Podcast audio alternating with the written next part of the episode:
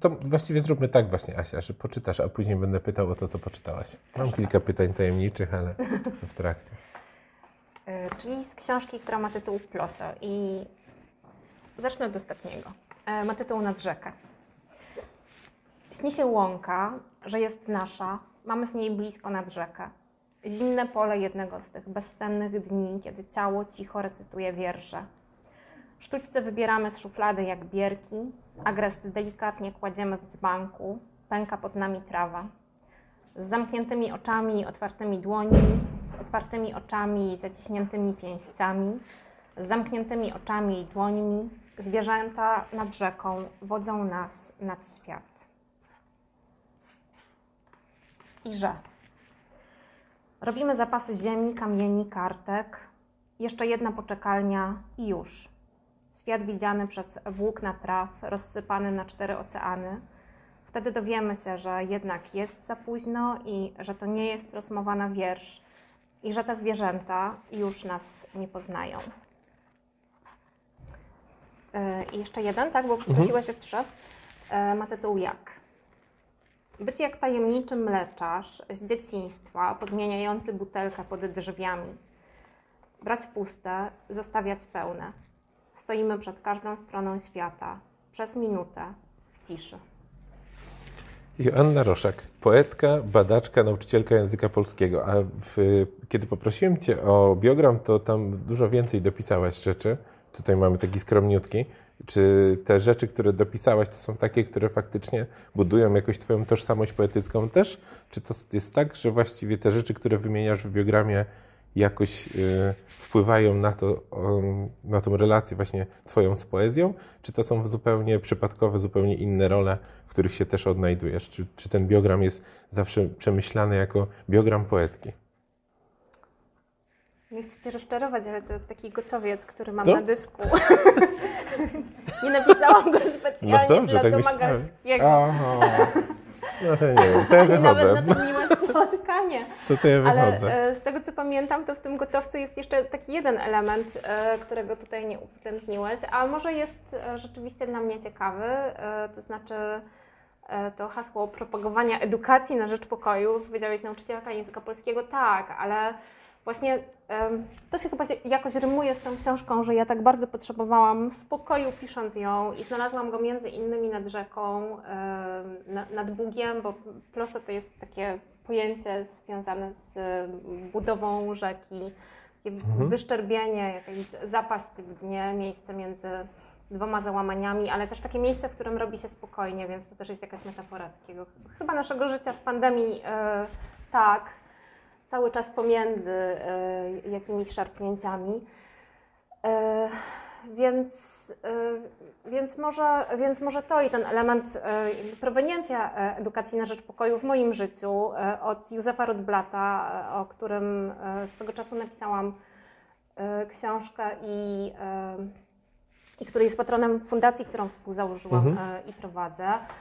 E, To jest teraz takie miejsce uśpione, bo pracujemy tam wszyscy wolontariacko, ale może dobrze, żeby to nazwisko tutaj wybrzmiało, bo ja właściwie codziennie do Rotblata sobie wracam. To po- Polski noblista pokojowy i człowiek, który naprawdę dla tej idei poświęcił mm, całą tę zu, zupełnie świadomą część swojego życia. On, który wcześniej pracował w, ramach projektu Manhattan, postanowił później wiedzę o atomie e, wykorzystać, żeby e, jako fizyk leczyć w szpitalu chorych na raka, no ale też właśnie e, walczyć e, o rozbrojenie, chociaż może nie, może nie należałoby mówić walczyć i też trzeba by pewnie odwojnić język, więc e, gryzę się teraz w niego.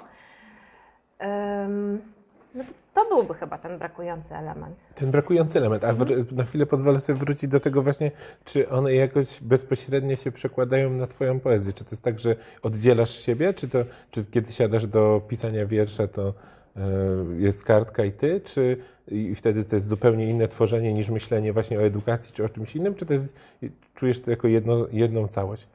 Nie, ja rzeczywiście teraz mam wrażenie takiej zupełnej integralności, przenikania się tych, Mhm. e, tych wszystkich e, pól e, i, i, ich nakładania się na siebie. Myślę, że cały czas e, rezonują. To znaczy nie mogę powiedzieć, że kiedy uczę polskiego, to nie jestem poetką, no bo pewnie właśnie jestem i... E, A kiedy piszę wiersz, no to e, też różne inne treści mam z tyłu głowy i, mm, i to, co przeżywam i to, co przeczytałam, więc e, nie, to na, nawet nie są bliskie, równoległe, tylko są to właśnie takie nakładające się Mhm. e, obszary. Wspominasz o tym tytule, wspominasz też o tym, o, twoją, o Twojej relacji z przyrodą, ale właściwie na dobrą sprawę jesteś taką e, osobą, która wię- większość czasu e, spędza w mieście. Jaka jest faktyczna łączność Twoja z przyrodą i jak, jak widzisz człowieka w przyrodzie? Bo to chyba, co piszesz w swojej książce, nie dotyczy tylko Ciebie jako Ciebie, ale w ogóle mm, człowiek, człowieka jako człowieka. Jak, jak widzisz człowieka dzisiejszego i jego relacje z tym, z czego się trochę wyrwał chyba, czy jednak się wyrwał tylko sztucznie? Jak, jak, jak dla Ciebie wygląda dzisiaj ta relacja człowieka z przyrodą? No chyba rzeczywiście możemy mówić o czymś takim, e, co zresztą jeden z badaczy opisał e, jako zespół deficytu natury. To Mhm. chyba wiele osób na to dzisiaj cierpi, może dlatego, że nie mamy zwyczajnie czasu wszyscy, żeby codziennie czy nawet raz na tydzień iść do lasu, ale Mhm. ja e, dbam o to, żeby to robić. Rzeczywiście te kąpiele leśne są czymś zupełnie niezwykłym i w wakacje spędziłam kilka dni, e, żeby poczytać sobie o badaniach i o tym, co robi z nami las. Katarzyna Simonienko zresztą też napisała o tym książkę w, tym roku wydaną. Psychiatra, która oprowadza po Puszczy Białowieskiej i e, no ona też zrobiła taki research właśnie związany z e, cudownym oddziaływaniem e, lasu na nasze neurony. To mi to jest potrzebne jak, e, nie powiem, że jak powietrze, bo ja właśnie tam tego powietrza bardzo A nie potrzebuję. uciekasz wtedy? Znaczy nie masz zamiaru uciec całkiem z miasta? Jak się męczysz tutaj? nie, nie męczę się. Ja lubię miasto bardzo, ale e, w Poznaniu na przykład mieszkam e, od niedawna na Podolanach i mam wrażenie, że to jest e, taki złoty środek między jeziorem, bardzo blisko mam nad Strzeszynek i e, zdarza się, że, że w sobotę wstaję o piątej i nie wiem, no, ze znajomym dmuchamy ponton i sobie płyniemy rano po Strzeszynku. E, Więc bardzo to dbam, e, żeby nie stracić kontaktu z, ani z wodą, ani z lasem. I myślę, że tak, no Poznański Podolany to jest taka dzielnica, którą polecam. Następne ktoś spotkanie chce tam. zrobić jakąś woltę, tak, następne spotkanie tam. Czemu Mhm, na Pontonie. Na Pontonie. Albo- albo gdzieś w lesie. E, To jeszcze jedno, e, pozwolę sobie a propos tej przyrody, o jeszcze jedną rzecz zapytać. E, Czytając Ploso, tak właściwie teraz wracając do niego, to jest specyficzna sytuacja, bo pierwszy raz rozmawialiśmy ze sobą o tej książce, to zaczynała się pandemia. E, tak Kończyliśmy redagowanie tego wywiadu, kiedy właściwie ogłaszano lockdown. Tak, bo ja ją dostałam, pamiętam ten moment, dostałam ją od kuriera, który wrzucił mi paczkę, bo to był sam początek pandemii. Ludzie naprawdę bali się kontaktu, jeszcze bardzo Mhm. niewiele e, wiedzieliśmy o wirusie. E, mhm. To jest taka pandemiczna książka. No właśnie, ale też y, czy twoja relacja z, i z ludźmi, i z, t- z jednej strony cały czas aktualna niby książka, y, pewnie pracujesz nad następną, ale y, pytanie jest takie właśnie, czy nadal ją jest dla ciebie tą samą książką, w sensie ona z, zakończyłaś ją jeszcze w czasie, kiedy jeszcze nie było tego wszystkiego. Czy ona się jakoś zmieniła w twoim odbiorze jako twórcy? To jest jakiś taki, ty inaczej ją dzisiaj do niej, kiedy wracasz, czy kiedy czytasz teraz na spotkaniu te wiersze, one jakoś inaczej relacjonują, znaczy rezonują w twojej głowie? Nie, właśnie chyba nie, bo jest to książka właściwie, która rozgrywa się na, na takim planie e, bardzo prywatnym. Ja, taka bardzo intymna przestrzeń właśnie, e, przyrody oswojona i wielokrotnie od, e, odwiedzana, to raz, a dwa, no, jest to też taka książka o prywatnych relacjach, które na, nawet podczas pandemii chyba niewiele się zmieniły. Więc zdaje się, że nie. E, To ostatnie pytanie. Ona, ona jest jednak, ta- w tym sensie, ona jest jakoś klaustrofobiczna. e, To jest też taki przymiotnik, który kojarzy mi się z tymi ostatnimi miesiącami. Ja wracając, powiem szczerze, powracając teraz do, e, do tej książki, odniosłem takie wrażenie może silniejsze niż przy pierwszej lekturze, że to jest też taka książka trochę o tym, co straciliśmy stając się ludźmi i przestając być zwierzętami. I ty faktycznie co- coś straciliśmy? Uważasz, że, że stając się ludźmi coś zgubiliśmy, a, a, a może coś zyskaliśmy? Bo to w sumie jest jeden z ważniejszych tematów, który się dziś tutaj przewija, przynajmniej dla mnie jako czytelnika. E, no to ja bym może do tej formuły dodała po prostu przyimek z, nie że stając się, e, co straciliśmy, stając się e, ludźmi, a nie zwierzętami, tylko co straciliśmy, no też właśnie odcinając się od kontaktu ze zwierzętami. Mhm. No bo tak, jest tu kilka psów i jest też ten sam pies, który znalazł się na okładce poprzedniej książki, taki bezpański pies karmiony przez mojego przyjaciela nad, nad Krzną, nad Bugiem, bo to też takie książki, które wyrastały z, z klimatów podlaskich. Dużo czasu tam spędzałam swego czasu, przez jakąś prawie dekadę. No, czyli chyba cały czas jesteśmy w tym samym kręgu zagadnień jednak. Deficytu natury, to znaczy też deficytu kontaktu ze zwierzętami, ich e, czynienia, nie wiem, coraz bardziej odległymi i mniej przy... No, ja jednak podjęłam w życiu jakieś decyzje takie ważne w zeszłym, e, w zeszłym roku. To znaczy mm, prawie nie jem mięsa i, e, i zastanawiam się nad zwierzakiem od jakiegoś czasu nad adoptowanym zwierzakiem, a nie super hodowli. Y, I, i, I, to się chyba wszystko jakoś rymuje. Właśnie tak mam mhm. wrażenie, że, mm, że bardzo wiele ludzi wyczyściło y, pewne brudy w swoim życiu w tym y, niełatwym czasie pandemii. Że może taka prokrastynacja związana z właśnie nieposiadaniem terminu na podjęcie ważnych decyzji tutaj się tutaj się nie sprawdzała, mm, przez to, że było coraz mniej miejsca i coraz mniej czasu na wszystko. Znaczy, mhm. ja miałam takie dni, e, gdzie ściany mojego domu stawały coraz bliżej nad moją głową i czułam, że to jest czas na podjęcie decyzji. Więc kilka takich decyzji podjęłam i między innymi właśnie obiecałam sobie, że będę regularnie uczyła się wierszy na pamięć i że nie stracę e, kontaktu swoich? z lasem. Właśnie nie, swoich nie, swoich nie.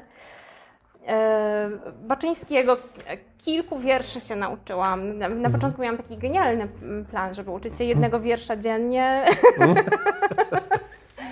nie wyszło. Przeceniłeś czas.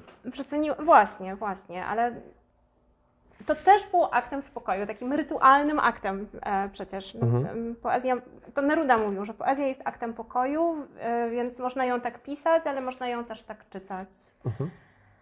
Znajdujesz tam ten spokój? Zdecydowanie tak. Bardziej w pisaniu czy czytaniu? E, I w tym, i w tym, no chociaż proporcje są takie, że częściej czytam niż piszę, oczywiście, a może nie oczywiście, no ale w moim przypadku oczywiście. Bardzo mało wierszy napisałam od e, czasu wydania Plosa, właściwie to dwa. Więc nie jest tak, jak powiedziałeś, że pracuję nad następną książką. No nie, nie pracuję nad następną książką w ogóle. E, nad książkami poetyckimi chyba się nie pracuje. Na pewnym etapie tak, oczywiście mhm. coś się szlifuje, ale one się same piszą. No, był Neruda, dobrze, niech jeszcze będzie Plas, chociaż nie chciałabym, żeby ta rozmowa się składała z cytatów, ale Zaraz ja uwielbiam tę definicję poezji, którą ukuła Sylwia Plath e, i definicja ta brzmi mniej więcej, że poezja jest unikaniem prawdziwej pracy, pisania prozy. Mhm. I naprawdę coś w tym jest. No Z mojej perspektywy kogoś, to jednak czasem pisze mhm. coś innego też. Nie prozę, no ale... E... Prozę, tylko nie literacką. Właśnie, prozę, tylko nie literacką. No dobrze, Asiu, to poczytamy? E, możemy, ale to właściwie pomyślałam okay. sobie, że może z tego tomu, mhm. który przyniosłam dla ładnej okładki, e, też mogę przeczytać. A wydany tutaj był e, tego dnia, e, niedaleko, bo e, przy Prusa w Wojewódzkiej Bibliotece Publicznej i Centrum Animacji Kultury. To może najpierw taki wiersz, który ma tytuł Odchylenie.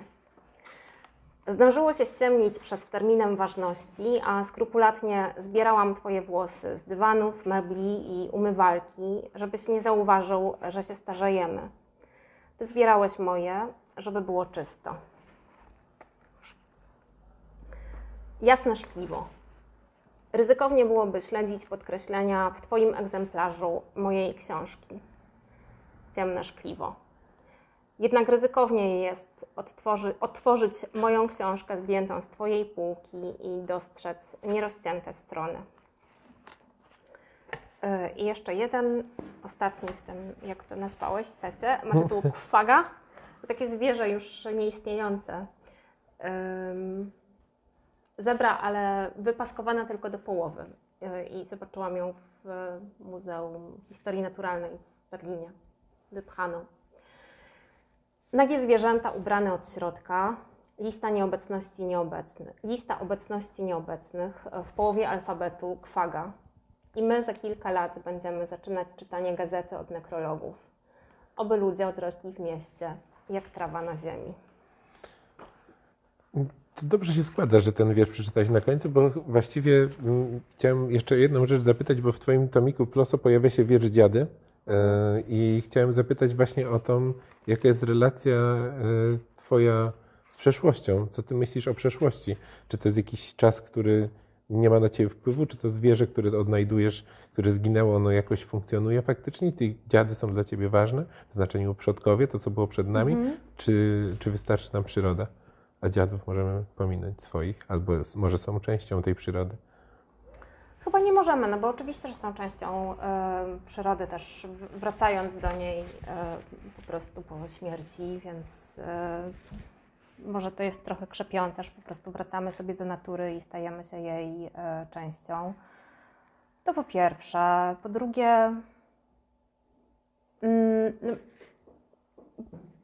przeczytałam kilka książek o epigenetyce i wydaje mi się, że nierozsądnie byłoby nie interesować się swoimi przodkami, skoro mhm. dziedziczymy po nich tak wiele, także traum, jak się mówi. Podobno, żeby trauma wybrzmiała, znaczy myślę na przykład o, nie wiem, głodzie mojej babci podczas II wojny światowej.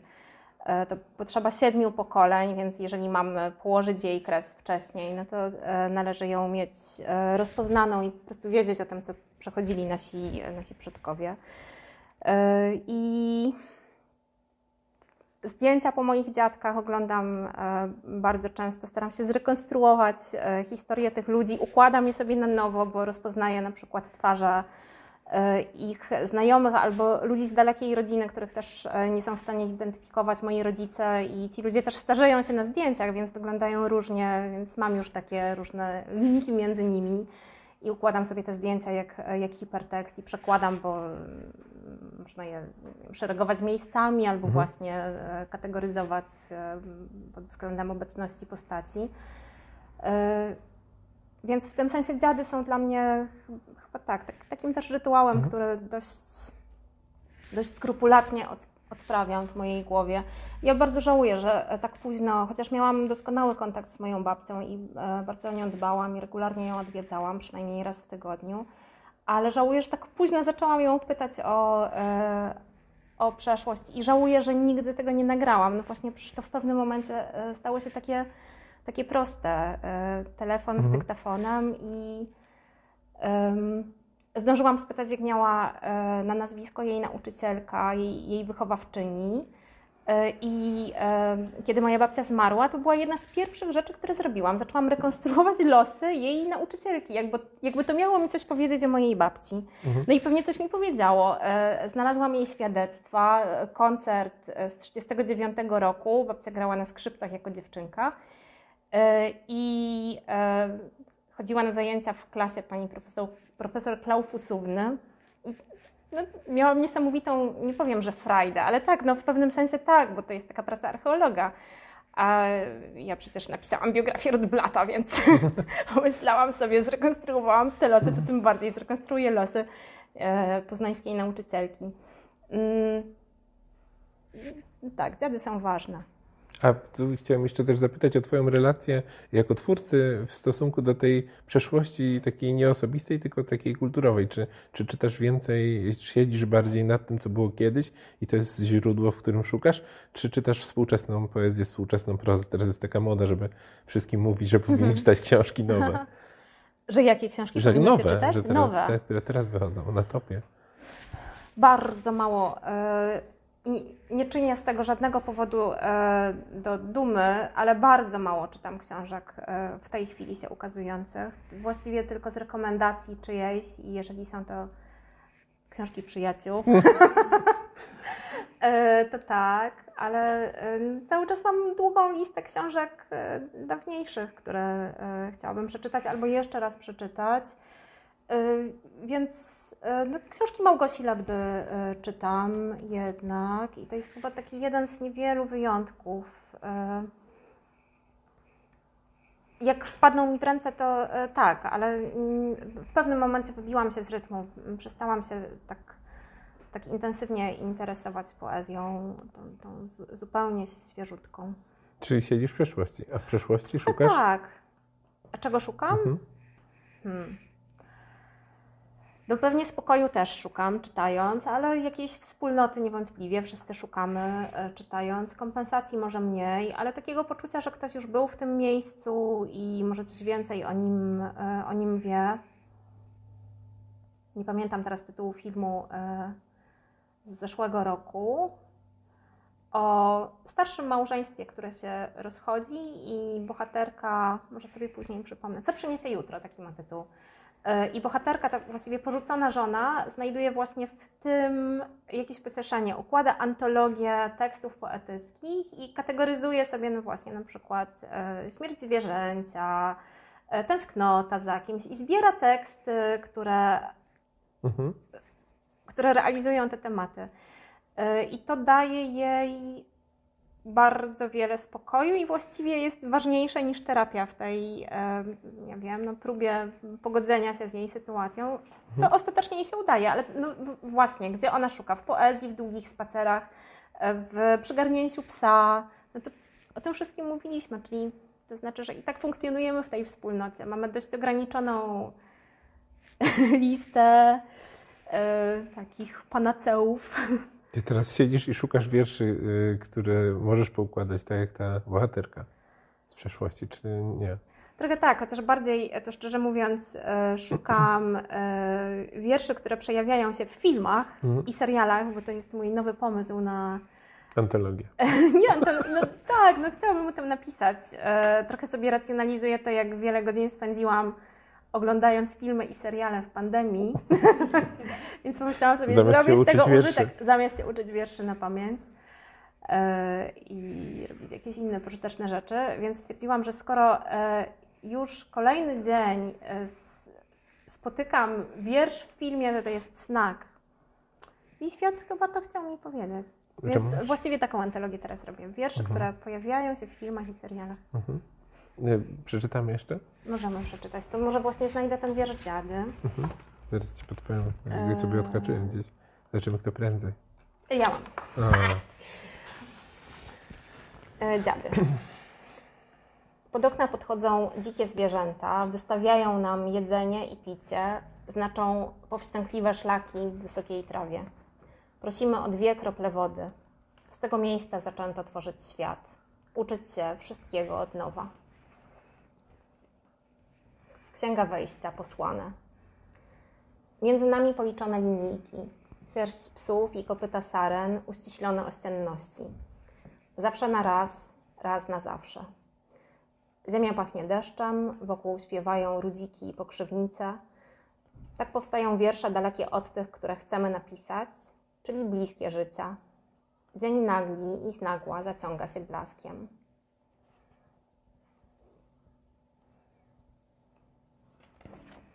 Spłoszeni. Wchodzimy na teren kukułki, niech odmierza ile i kiedy, niech potraktuje śmiertelnie poważnie śmiertelne pytania o liczbę przyszłych kalendarzy i wywołanych zdjęć z nad wody małej i brudnej. Dostajemy się na teren kaczek, kaczki nad wodą, kaczki nad wojną, gęsi pod wodą.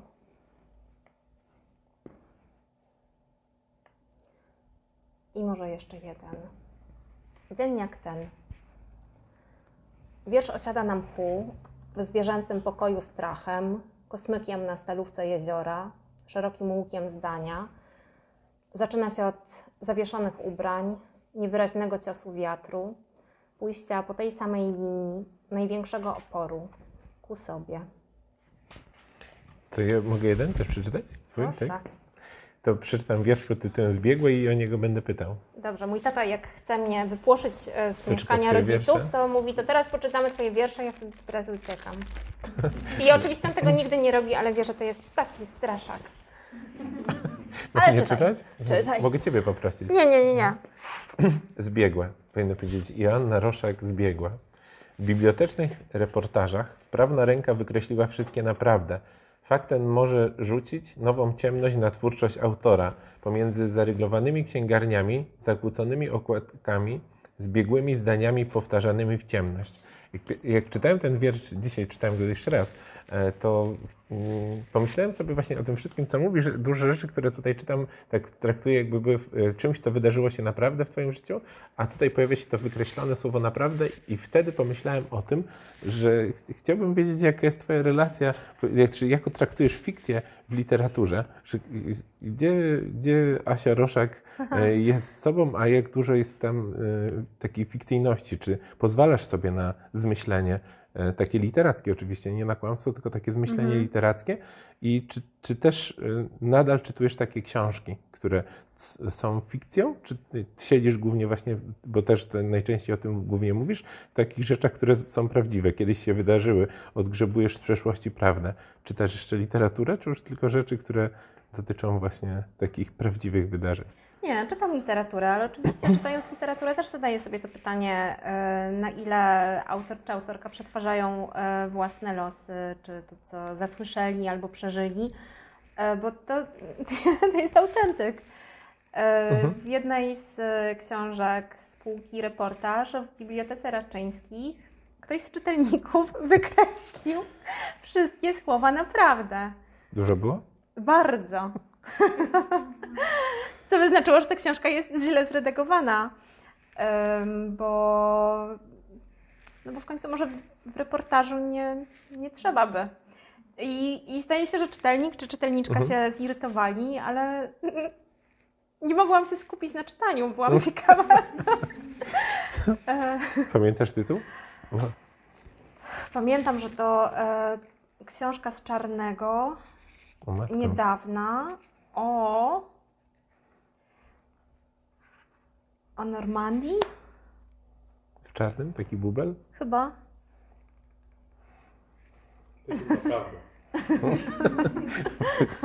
Właśnie szkoda, że nie pamiętam właśnie tytułu. Mogłaś dopisać na okładce.